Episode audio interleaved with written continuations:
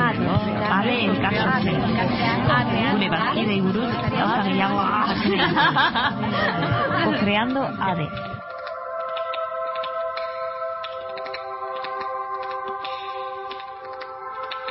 decidimos hacer dardarismo como porque sentíamos una necesidad de que hubiera en un formato publicación eh,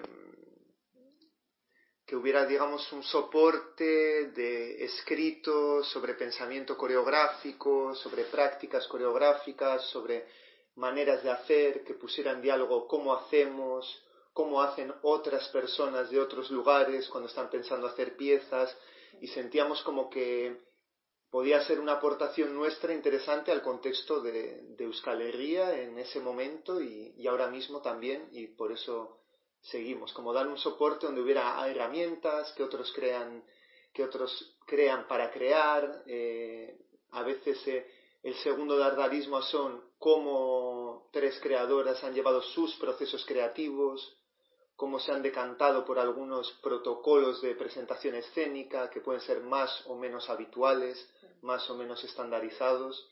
Y era un poco como abrir un abanico de posibilidades que, que nos parecía que era algo que nosotras podíamos hacer porque veníamos de un máster, porque veníamos de recorrer otros lugares y nos apetecía también abrir ese diálogo aquí.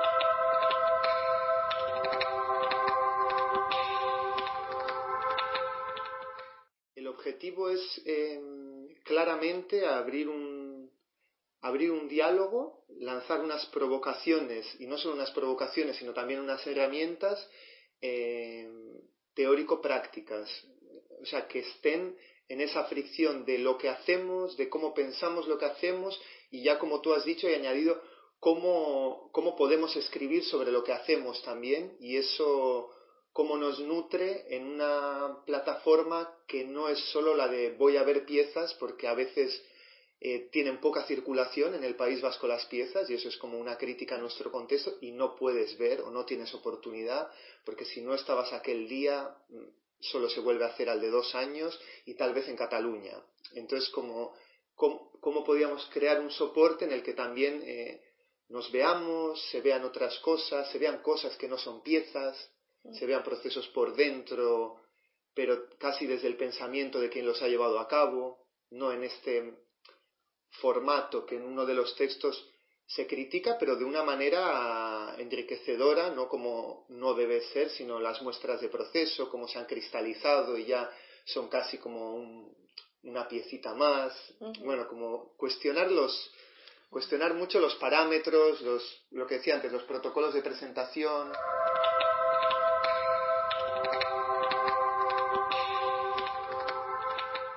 como que es totalmente autogestionado. Mm, ha sido como una apuesta, eh, no porque no hubiera posibilidad, sino de hacer lo que queremos hacer realmente y no depender de un soporte institucional. Entonces no hemos ido atrás de ayudas o de subvenciones y esto también ha creado como una comunidad en torno de, de apoyo.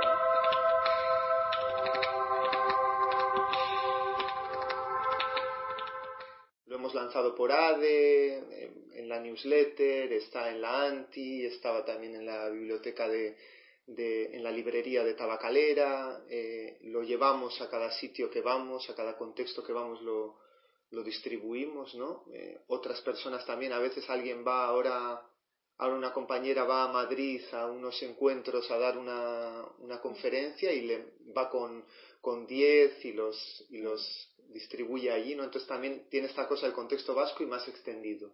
Cuando sacamos el segundo número, hasta ahora tenemos dos números, el de noviembre de 2017 y el de mayo de 2019. Mm.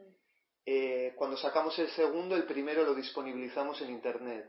Mm. Entonces está en la web del colectivo cualquier, hay un, hay un link y accedes al PDF de la publicación y ya está, digamos, mm. abierto en, ah, muy bien en, ese soporte. El segundo, actualmente disponible, todavía no hemos llegado a San Sebastián, actualmente disponible está en la librería Anti, mm. en la calle 2 de Mayo, al lado del Nervión, en Bilbao. Y me imagino que cuando saquemos el tercero o cuando se agote la, la edición lo pondremos también en soporte de, Internet, mm. en la web.